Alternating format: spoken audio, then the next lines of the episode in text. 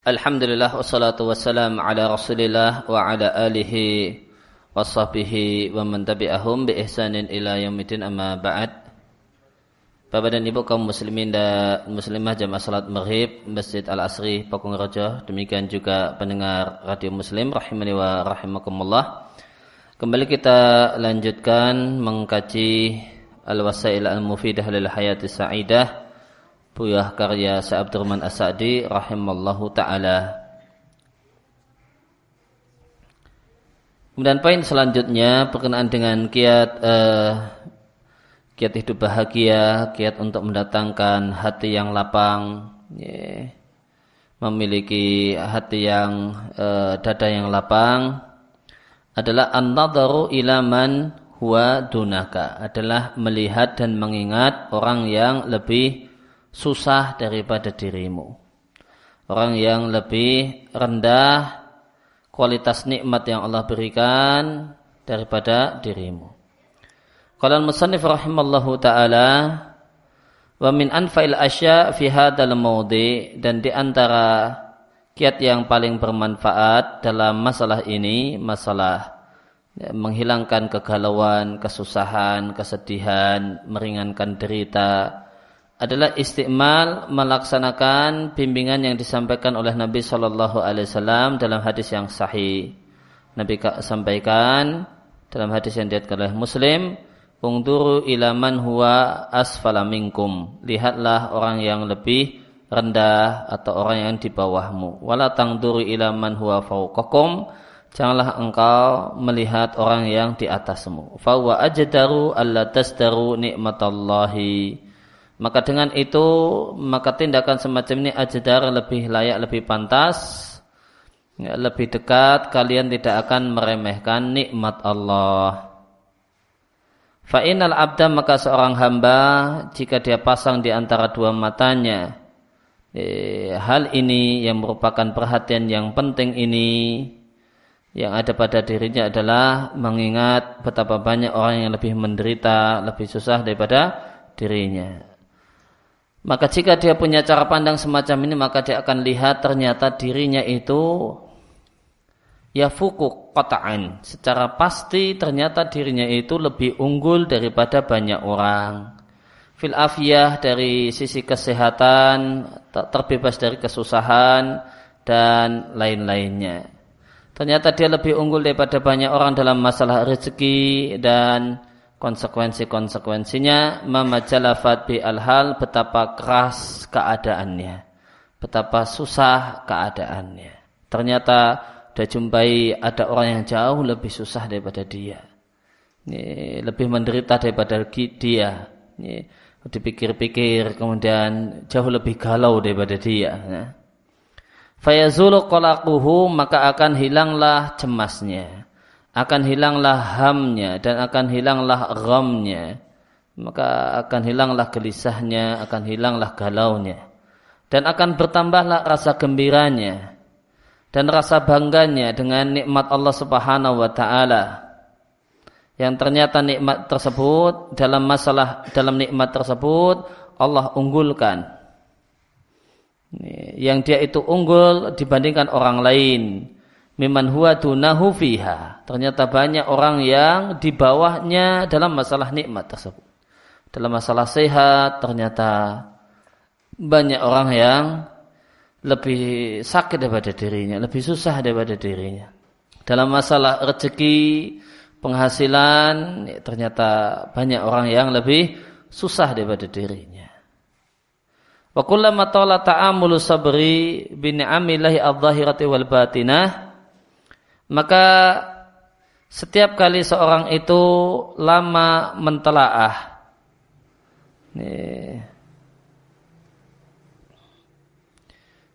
dia lama mentelaah berbagai macam nikmat yang Allah Subhanahu wa taala berikan padanya, baik nikmat zahir ataupun nikmat batin. Dan nikmat agama ataupun nikmat dunia ra'a rabbahu qad a'tahu khairan kathiran. Ternyata dia lihat bahasanya Rabbnya telah memberikan kepadanya kebaikan yang banyak. Wadafa'a anhu dan telah Allah cegah dari dirinya sururan, berbagai macam kejelekan. Muqaddaratan yang dimungkinkan untuk terjadi. Wala syakka dan tiadalah ragu bahasa cara pandang semacam ini akan menghilangkan al-humum bal humum. Ini akan menghilangkan berbagai macam galau yang menyelimuti hatinya. Wa yujibul farha wa dan mengharuskan dan menyebabkan dia gembira dan gembira. Maka ada satu nasihat penting yang disampaikan oleh Nabi Shallallahu Alaihi Wasallam dalam rangka untuk menghilangkan kesedihan, mengurangi derita, Eh, menghilangkan galau adalah apa yang Nabi sampaikan dalam hadis yang diatkan oleh Muslim bahasanya jika seorang itu eh, Nabi perintahkan untuk melihat orang yang lebih susah. Kalau kita mau lihat sekeliling kita, kita lihat boleh jadi koran, televisi atau yang lain eh, atau kemudian lingkungan seputar kita ternyata kita jumpai banyak orang yang lebih susah daripada kita. Ya, banyak orang yang lebih menderita daripada kita. Maka supaya kita bisa rajin-rajin bersyukur, maka satu hal yang baik dan satu hal yang tidak salah, cobalah jalan-jalan ke rumah sakit. Ini, ternyata nah, susah kita itu tidak ada apa-apanya. Dengarkan dan tanyakan keadaan keluarga orang-orang yang nunggu keluarganya. Oh, ini punya dapat musibah begini dan begitu. Oh, ternyata oh dia lebih menderita, lebih galau, lebih susah. Dan kita jumpai banyak orang-orang yang sabar, orang-orang yang tegar, orang-orang yang hebat ya, maka kemudian kita berkaca kita susah demikian saja sudah uh, ya sudah kemudian berkeluh kesah. Semua orang dikasih tahu seluruh dunia dikasih tahu. Ya, karena galonya dituangkan di Facebooknya. Nah, uh, maka semua orang kemudian tahu oh dia punya masalah oh dia punya lagi uh, duit seret itu pun dilaporkan di Facebook. Nah ini kemudian untang kok tambah bertumpuk, nah, dilaporkan di Facebook. Nah, maka orang sedunia kemudian dia beritahu. Dan ternyata dia jumpai orang ada orang-orang yang kemudian keadaannya lebih susah. Ternyata mereka hebat, mereka orang yang tegar, orang yang luar biasa. Ya, maka dengan kemudian ngobrol dengan mereka, dan e, cerita bagaimana dan kita mendengarkan mereka bercerita tentang kesusahannya kita akan berkesimpulan oh kita itu sangat enak. Oh kita itu sangat nyaman. Oh nikmat Allah Subhanahu wa taala yang Allah berikan kepada kita itu demikian berlimpah. Orang yang lebih susah orang yang lebih menderita orang yang lebih orang yang lebih sengsara oh itu ternyata demikian jauh lebih banyak daripada kita dan benar apa yang Nabi katakan kalau melihat yang lebih bawah dan tidak melihat yang lebih atas, fawa ajdar maka ini menyebabkan kita lebih dekat untuk tidak meremehkan nikmat Allah Subhanahu wa taala. Artinya kalau kita uh, mafhum mukhalafahnya maka jika kita melihat orang-orang yang lebih unggul dalam masalah nikmat, kita akan meremehkan nikmat Allah. Kita akan merasa bahasanya nikmat Allah itu bukan nikmat. Ya, nikmat Allah Subhanahu wa taala itu bukan nikmat karena yang kita lihat adalah orang yang lebih enak, lebih senang, lebih mewah. Maka kemudian kita akan lihat diri kita, oh kita merasa kita tidak punya nikmat. Allah tidak memberikan nikmat. Itu dampak kalau kita melihat orang yang lebih senang, lebih eh, lebih lebih mewah, lebih nyaman. Dan orang itu tidak akan bersyukur kepada Allah kecuali dia meyakini nikmat Nah, nikmat yang dia dapatkan adalah nikmat. Itu terlebih dahulu. Gimana orang itu mau bersyukur dan berterima kasih kepada Allah Subhanahu wa taala ketika dia tidak menganggap nikmat yang ada pada dirinya adalah nikmat. Dia anggap bahasanya eh, nikmat yang Allah berikan kepadanya itu tidak ada nilainya. Maka dia tidak akan bersyukur. Dan syarat mutlak supaya seorang itu bersyukur kepada Allah Subhanahu wa taala menyadari nikmat yang ada pada dirinya adalah nikmat. Nikmat Allah Subhanahu wa taala pada dirinya adalah nikmat. Gimana cara supaya menyadari nikmat adalah nikmat? Ya, caranya adalah mengamalkan apa yang Nabi sampaikan dalam hadis ini. Lihatlah orang-orang yang lebih rendah. Lihatlah orang-orang yang lebih rendah. Maka kita sadar bahwa nikmat Allah berikan kepada kita adalah nikmat. Kemudian kita bisa mensyukurinya. Kita kemudian e, bisa berterima kasih kepada yang memberinya. bisa kemudian kita merasakan itu adalah sebuah anugerah yang besar kepada kita.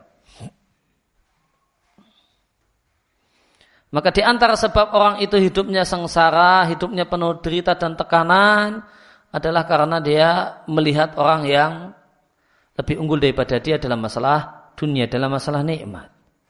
Maka kalau yang dia adalah orang yang kemudian lebih top, lebih hebat, maka tambah uh, maka tambah lama dia akan tambah tertekan, tambah susah, tambah menderita. Dan demikianlah realitanya. Demikianlah realita hidupnya. Kalau kemudian yang dia lihat ada tetangganya yang kemudian tambah makmur, tambah makmur, tambah makmur itu yang dia lihat, ya, maka dia tambah sempit dadanya. Namun jika yang dia ingat adalah tetangganya yang susah, tambah susah, bahkan kemudian semakin susah, maka dia akan e, menyadari bahasanya dia adalah orang kaya dia adalah orang yang penuh dengan limpahan rahmat Allah Subhanahu wa taala. Nah berkenaan dengan hadis ini, hadis lihatlah orang yang di bawah kalian, jangan lihat orang yang di atas.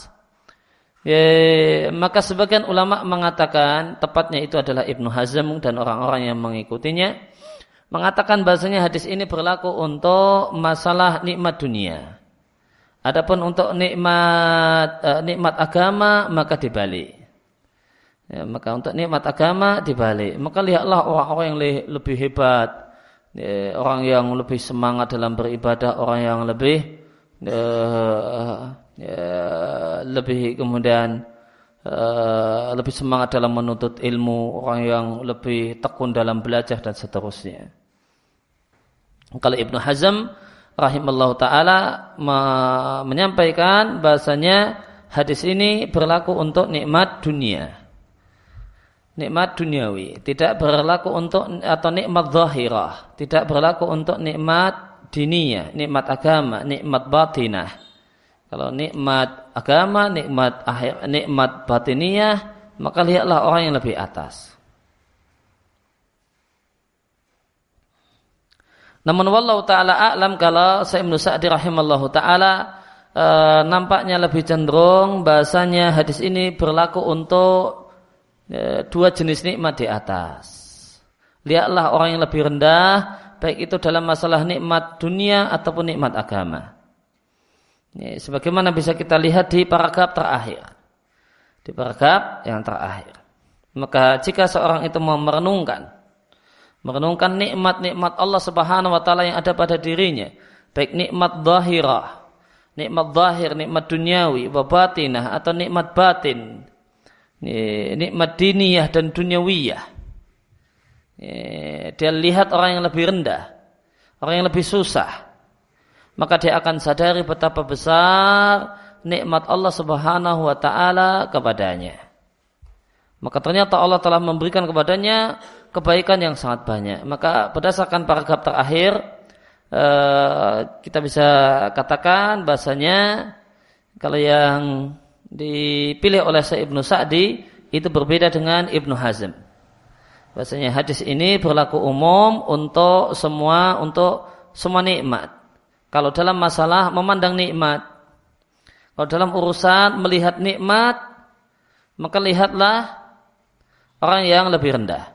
Baik itu dalam masalah agama ataupun dalam masalah dunia. Kalau dalam masalah dunia jelas. Kalau dalam masalah agama maka lihatlah supaya kita menghargai nikmat yang Allah berikan adalah nikmat maka untuk nikmat agama sekalipun lihatlah orang yang lebih rendah. Ya, karena tujuannya apa? Tujuannya adalah sebagaimana di akhir hadis supaya kita bisa melihat memandang nikmat Allah adalah nikmat. Maka sehingga ini berlaku umum baik nikmat agama ataupun nikmat dunia. Kalau kita menginginkan ingin supaya kita tidak meremehkan nikmat Allah, kita kemudian menyadari nikmat Allah itu adalah nikmat. Maka baik itu nikmat dunia ataupun nikmat agama, ya, maka lihatlah orang yang lebih rendah. Supaya kita menyadari oh kita itu adalah orang yang mendapatkan nikmat Allah Subhanahu wa taala yang wajib kita syukuri. Dalam masalah nikmat agama kemudian kita lihat Oh ternyata kita adalah orang yang diberi nikmat kemudian semangat untuk hadir di majelis ilmu. Ini satu dan diberi kemudahan untuk uh, untuk hadir di majelis ilmu. Betapa banyak majelis ilmu di di dekat kita. Ya. Dan kita ingat saudara-saudara kita yang kemudian boleh jadi di luar Jawa, di pelosok, mereka kesusahan untuk kemudian mencari majelis ilmu. Ada yang kemudian mereka harus kemudian uh, rela kemudian majelis ilmunya itu sekedar televisi. Ada yang majelis ilmunya sekedar buku, sekedar rekaman. Tidak bisa kemudian langsung untuk kemudian bisa langsung mereka harus nunggu setahun sekali, itu pun harus mengumpulkan banyak biaya. Uh, maka sadarilah kemudian betapa kita berada dalam nikmat yang besar. Kemudian apakah kita telah memanfaatkan nikmat tersebut dengan baik? Apakah kemudian kita telah bersyukur pada Allah dengan uh, kalau dapatkan nikmat uh, nikmat yang besar tadi kemudian kita memanfaatkannya dengan sebaik-baiknya? Nah. Ya, maka setelah kita sadar, oh ini nikmat, ya, kemudian kita berupaya untuk mensyukurinya. Maka supaya kita menyadari nikmat itu nikmat, ya, lihatlah orang yang lebih susah. Meskipun itu dalam masalah agama. Ya, kemudian maka uh, kemudian uh, kemudian kita sadari bahwasanya Allah Subhanahu wa taala memberikan nikmat kepada kita dengan Allah mudahkan kepada kita atau Allah berikan kemudahan pada kita untuk mengerjakan sholat, sholat pada awal waktunya ke masjid, satu nikmat. Kita jumpai ada orang-orang yang rindu untuk pergi ke masjid dan mereka tidak bisa pergi ke masjid karena sakitnya, karena atau yang lainnya. Nah, Allah Subhanahu Wa Taala berikan kepada kita kemudahan. Kita diberi badan yang sehat, masjid yang dekat. Betapa banyak orang kemudian rindu dengan masjid karena jauhnya dia dari masjid. Betapa mereka kemudian merasa gersang susah ke masjid jauh. E, untuk bisa kemudian berjumpa dengan masjid mereka kesulitan. E, maka kemudian boleh jadi saudara-saudara kita di luar negeri, saudara-saudara kita di, yang tinggal di negeri kafir. E, betapa rindunya mereka dengan masjid dan mereka kesusahan, mereka harus keluar banyak biaya untuk pergi ke masjid. Sekedar untuk bisa masuk masjid. Mereka harus keluar, kemudian mereka harus naik tren, naik kemudian uh, kereta sekian lama, harus keluar duit sekian banyak. Cuma untuk sekedar ingin masuk masjid. Untuk kemudian bisa merasakan nikmatnya sholat di masjid. Kita tidak perlu kemudian keluar duit banyak, kita tidak perlu harus uh, melakukan perjalanan berjam-jam untuk untuk pergi ke masjid. Kita mendapatkan nikmat satu hal yang tidak Allah berikan, yang tidak didapatkan oleh banyak orang. Apakah kita sudah memanfaatkannya? Apakah kita telah mensyukurinya? Nah, Oh maka ternyata oh betapa ya, betapa banyaknya nikmat Allah Subhanahu wa taala untuk kita.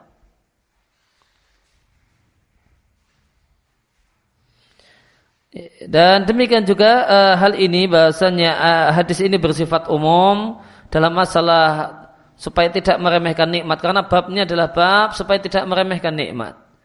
Bab supaya kemudian me memiliki kesadaran betapa banyaknya nikmat yang Allah berikan kepada kita maka lihatlah orang yang lebih rendah itu berlaku umum baik untuk nikmat agama ataupun nikmat dunia. Demikian juga ini ditegaskan oleh Sayyid Nuthaimin rahimallahu taala di uh, di kitab beliau Fatul Jil Jalali wal Ikram ya, Sarah Buluhul Maram. Ketika menjelaskan hadis ini, maka beliau katakan hadis ini bersifat umum, tidak membeda-bedakan antara nikmat dunia dan nikmat agama dan hadis ini bicara tentang masalah kesadaran betapa banyaknya nikmat Allah Subhanahu wa taala. Hadis ini bicara tentang bagaimana cara supaya kita tidak meremehkan nikmat Allah Subhanahu wa taala. Hadis ini bicara supaya kita meyakini bahwa nikmat Allah Subhanahu wa taala adalah nikmat. Maka lihatlah orang yang lebih rendah dan ini berlaku untuk umum dengan semua nikmat, baik nikmat agama ataupun nikmat dunia.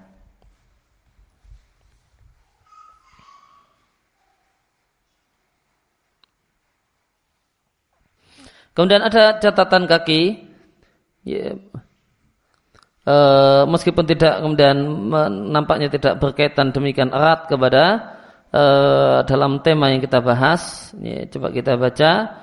Satu ketika aku e, menemani se, salah satu orang yang saleh, dan ini kejadian 15 tahun yang lewat di kota Jeddah. Dan biasanya jika aku menemani seseorang non-Saudi, maka aku sampaikan kepadanya satu pertanyaanku yang berulang-ulang. Yang bolak-balik aku sampaikan dalam rangka untuk mengetahui apa pendapatnya tentang kami orang-orang Saudi. Nampaknya pertanyaannya adalah pertanyaan apa tanggapan Anda tentang Arab Saudi dan orang-orang Saudi. Nah, kenapa uh, kenapa beliau ini suka kemudian bertanya kepada orang yang datang dari luar Saudi tentang apa pendapatnya tentang Saudi dan orang-orang Saudi? Uh, Wadali kali sababain dan itu karena dua sebab. Yang pertama, bahasanya orang asing itu tentu punya kemampuan yang lebih banyak untuk menilai kita. Karena dia mengawasi dari luar. Kemudian yang kedua, jika kemudian e, pendapatnya itu tidak sesuai dengan realita, maka aku tahu kalau dia tidak suka dan apa sebab kenapa dia tidak suka. Wasahid yang inti jadi inti yang jadi mau yang disampaikan, aku sampaikan padanya pertanyaan tersebut. Kama aslaf itu sebagaimana telah aku sampaikan. Apa pandangan anda tentang Saudi dan orang-orang Arab Saudi? Uh, maka dia mengatakan aku uh, menilai kalian dalam keadaan yang baik, dalam keadaan yang enak, namun aku mengkhawatirkan kalian. E, kemudian aku, uh, komentar beliau, aku katakan itu satu yang benar. Sehingga Allah Subhanahu Wa Taala memberikan kepada kami orang-orang uh, yang tinggal di Arab Saudi di negeri ini, Allah berikan akidah dan tauhid, demikian juga rasa aman, wal istiqrar dan stabilitas ekonomi. Ini stabilitas ekonomi. ya, tidak, mereka inflasi itu sangat rendah di Arab Saudi. inflasi itu sangat rendah di Arab Saudi. Harga itu tidak berubah-ubah. Ya, harga barang-barang itu secara umum tidak berubah-ubah. Hmm, ya, satu barang yang khas di sana kemudian uh, ya, teman makan khas orang Saudi Pepsi misalnya itu sejak tahun 80-an ya, sejak tahun 90-an ya, sampai sekarang baru kemudian ganti harga sekali dulu satu rial sekarang dua rial ya, sejak tahun 90 ya, tahun sampai kemudian tahun 2015 ya, itu baru kemudian berubah harganya sekali saja maka ini istiqrar iktisadi. Ini namanya apa? Stabilitas ekonomi yang sangat mapan, inflasi yang sangat rendah.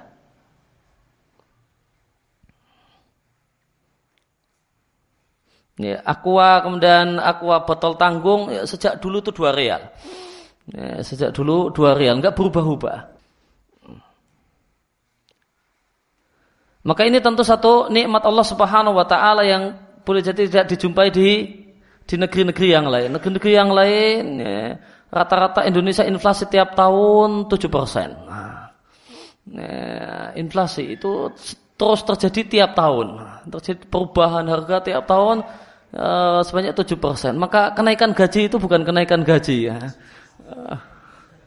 Kenaikan gaji itu bukan kenaikan gaji kalau di Indonesia. Yo ya, namun tetap saja Kenaikan gaji yang sesungguhnya kalau tidak ada inflasi ya, tidak ada inflasi kemudian penghasilannya tambah, nah itu berarti ya, kenaikan gaji dan penambahan pendapatan. Ya, penambahan pendapatan di di masyarakat kita hampir-hampir bukan penambahan pendapatan, itu cuma nutup untuk inflasi saja. Wa alaina maka menjadi kewajiban kita untuk tidak meremehkan nikmat Allah binadar bidunia dengan memandang rendah kepada orang lain atau ihtikar merendahkan atau meremehkan manahnu alaihi min khairin nikmat yang kita alami.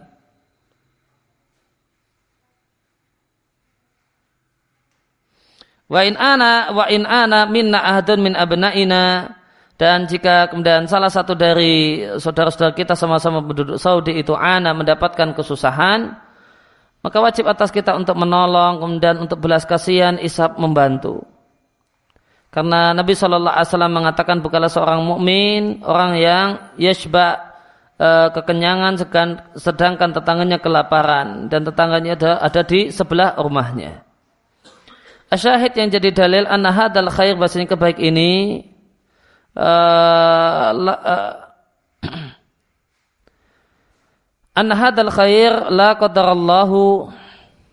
Semoga Allah Subhanahu wa taala tidaklah mentakdirkannya untuk terjadi. Kot yunsina boleh jadi melupakan kita. An-nadhar ila man huwa dinina ila man huwa dunana untuk memandang orang yang uh, orang yang lebih rendah daripada kita. Atau kemudian kita memandang orang yang lebih susah daripada kita namun dengan pandangan yang keliru. Bukan pandangan syukur namun malah pandangan meremehkan dia dan ikhtikar merendahkannya. Maka wallahi demi Allah inaha dal fil bahasanya perbuatan ini bukanlah perbuatan uh, kakek-kakek kita dan orang tua kita karena eh, orang Arab yang asli itu satu bangsa yang terkenal tidak menyukai kesombongan.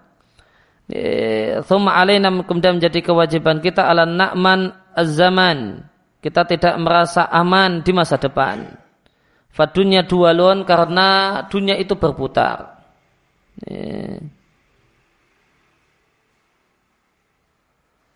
Waqat amila ba'duna qabla mi'ati sinin ingda ulaika alladhi eh, idza kunta tafhamuni hamilin dan sungguh sebagian kita sebagian penduduk Saudi itu bekerja sebelum 100 tahun yang lewat bekerja kepada mereka-mereka sebagai tukang pikul waladaiya lil mukabarah maka oleh karena itu tidak ada alasan untuk menyombongkan diri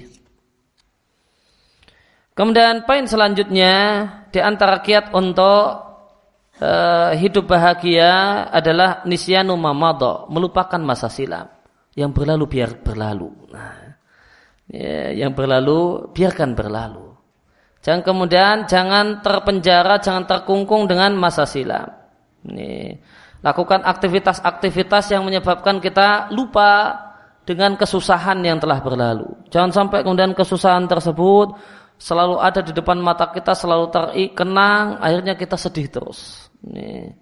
Maka hal ini menunjukkan bahasanya lupa itu nikmat Allah Subhanahu wa taala. Nah, nikmat Allah Subhanahu wa taala. Seandainya orang tuh tidak punya lupa, hidup itu susah. Tidak bisa bahagia, tidak bisa senyum yang uh, fresh, tidak ada kemudian senyum demikian cerah. Kenapa? Ingat betul di hadapannya seakan tanpa uh, di hadapannya ingat bagaimana ibunya meninggal, bagaimana orang tuanya meninggal, bagaimana orang yang dia sayang itu meninggal, istrinya meninggal. Eh, ingat kemudian ingat bagaimana dia kehilangan eh, kendaraan yang dia sukai, kehilangan apa. Eh, maka itu kemudian ya, betul-betul kemudian terpampang jelas di depan matanya. Maka makan selalu tidak enak, tidur selalu tidak nyenyak. Nah, maka lupa itu adalah nikmat Allah Subhanahu wa taala yang azim, yang besar untuk manusia. Sehingga manusia bisa hidup bahagia karena bisa lupa. Maka jangan eh, jangan selalu sinis dengan lupa. Perlu diketahui bahasanya karena lupa kita bisa hidup bahagia. Kita bisa makan enak, kita bisa tidur nyenyak itu karena lupa. Hmm.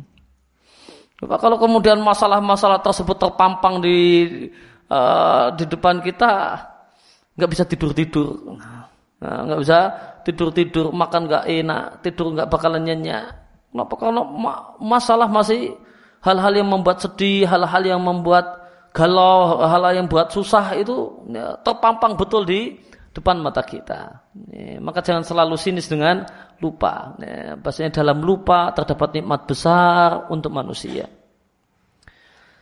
kalau Musanib rahimallahu taala dan di antara sebab yang mengharuskan ya, mengharuskan untuk lisurur menyebabkan kita gembira dan hilangnya galau dengan berbagai macam bentuknya baik ham atau ram adalah kemudian berupaya untuk menghilangkan sebab-sebab yang mendatangkan kegalauan dan mendat, uh, mengupayakan sebab-sebab yang mendatangkan gembira. Dan sebab tersebut adalah dengan melupakan mamado alaihi. Eh, melupakan masa lalu. Ketika masa lalu tersebut isinya minal makare, isinya hal-hal yang membuat sedih. Alatila yumkinuhu radduha. Yang kesedihan tersebut tidak mungkin dan ditolak dan diperbaiki. Karena itu sudah masa lalu. Maka kesusahan masa lalu tersebut tidak mungkin diperbaiki, tidak mungkin ditolak. Wa ma'rifatu ana istighala fi, uh, fikrihi fiha abasi wal muhali. Dan tidaklah seorang itu kalau ingin bahagia hendaknya dia punya makrifat, punya kesadaran. Bahasanya jika dia sibukkan pikirannya dengan kesedihan-kesedihan masa lalu, maka itu adalah perbuatan yang sia-sia. Yang berlalu itu tetap berlalu, yang terjadi tetap terjadi. Hal yang membuat sedih, kemudian boleh jadi musibah, musibah kehilangan orang yang dicintai, kehilangan orang yang dekat di hati, Itu kemudian mau kita ingat, mau kita lupakan sama saja. Yang meninggal tetap meninggal. Enggak kemudian karena diingat-ingat kemudian jadi hidup lagi. Nah, hidup lagi malah malah medeni. Nah. Kemudian kalau malah pulang ke rumah itu malah menakutkan. Nah, jadi pocong. Nah. Nah. Maka hendaklah disadari bahasanya uh, selalu mengingat uh, hal yang membuat sedih itu abas. Itu satu hal yang sia-sia. Tidak ada gunanya. Tidak ada manfaatnya. Musibah tetap musibah. Kehilangan tetap kehilangan. Ini yang telah terjadi tetap terjadi. Tidak bisa kemudian ditolak, diperbaiki. Tidak bisa. Wal muhal dan pernah diketahui bahasanya larut dalam kesedihan itu hanya melakukan sesuatu yang mustahil. Kemudian kita berandai-andai ya, kalau orang yang kita cintai tersebut masih ada bersama kita, orang yang kemudian dekat di hati tersebut uh, ada bersama kita orang tua kita, ibu bapak kita atau suami atau istri atau adik atau yang lainnya itu seandainya dia tetap duduk di sini ini ya, satu hal yang mustahil. Dan sadarilah anadalika bahasa hal, hal semacam itu berandai-andai. Orang yang dekat di hati itu masih tetap bersama kita. Itu humkun. Itu perbuatan orang yang dungu. Nah, buat jununun bahkan lebih parah lagi itu edan. Ah, itu namanya senteng Wong udah mati kok kemudian uh, diandai-andaikan. Seandainya masih tetap duduk di sini bercengkrama dengan kita. Maka kalau kita masih ada pikiran semacam itu maka sadarilah bahasa kita lagi gila. Ya, kita sedang gila. Karena ada kesadaran di atas fayujah itu kalbah maka dia lawan hatinya. Jangan kemudian selalu memikirkan kesedihan di masa silam. Demikian juga kiat pokok untuk supaya orang itu hidup bahagia. Hendaklah dia lawan hatinya untuk kemudian cemas berkaitan dengan masa depan yang belum terjadi. Yaitu kemudian tawahum, kemudian anggapan-anggapan yang tidak berdasar berupa ketakutan miskin, kemudian kekhawatiran, dan hal yang lainnya minal makari berupa hal-hal yang tidak menyenangkan yang kemudian itu menjadi imajinasinya yang menjadi khayalannya fil mustaqbal hayatihi di masa depan kehidupannya maka adalah dia sadari bahasanya perkara masa depan yang belum terjadi adalah satu hal yang majhul, satu hal yang tidak kita ketahui. Maya fiha apa yang terjadi padanya? Apakah di masa depan kita akan mendapatkan nikmat ataukah kejelekan? Apakah terwujud amal, apa yang jadi cita-cita kita, ataukah kemudian yang terwujud adalah alam, hal-hal yang menyakitkan kita. Dan bahasanya masa depan, apa yang terjadi di masa depan, itu di tangan Allah, Al-Aziz, Al-Hakim, zat yang maha perkasa hingga dia bisa mewujudkan apa yang dia inginkan untuk dia takdirkan, Al-Hakim, dan dia adalah zat yang bijaksana. Semua takdir yang Allah tetapkan itu ada hikmahnya, ada pelajarannya, ada manfaatnya. Dan kejadian di masa depan itu adalah di tangan hamba. Uh, laisa biyadil ibad min syai' sedikit pun. Illa kecuali yang bisa dilakukan oleh hamba adalah asa'yu berupaya untuk mendapatkan berbagai macam kenikmatan dan kebaikan di masa depan dan mencegah berbagai macam keburukan di masa depan. Uh, wal ya'lam al-abdu dan seendaknya seorang hamba menyadari bahasanya jika dia belokkan pikirannya sehingga dia tidak mencemaskan mencemaskan hal yang berkaitan dengan masa depannya dan dia bertawakal kepada Rabbnya fi islahihi dalam rangka untuk terwujudnya kebaikan di masa depan. Wat ma'anna ilaihi fi dan dia mantap hatinya dengan demikian. Fa idza fa'ala dzalika jika dia lakukan hal tersebut. Ya, dia lakukan dia belokkan pikirannya dari kecemasan berkenaan dengan masa depan. Kemudian dia pasrah dan tawakal kepada Allah Subhanahu wa taala, maka jika dia lakukan hal ini, itma'anna qalbuhu, maka dia akan mendapatkan hati yang tenang. Wasaluhat ahwaluhu dan akan baiklah keadaannya, tidak akan terus-menerus dirundung galau dan galau. Wazala anhu hammuhu wa qalaku dan hilanglah darinya kegalauannya dan kecemasannya. Ya, demikian yang kita baca kesempatan malam hari ini. Allah ma'alim nama yang fa'na wa fa'na bima alam tanawa zidna ilma. Wa sallallahu ala nabina Muhammadin wa ala alihi wa sahbihi salam. Ba'rda'ana alhamdulillahi rabbil alamin. Subhanaka Allahumma wa bihamdika asyhadu an la ilaha illa anta astaghfiruka wa atubu ilaih.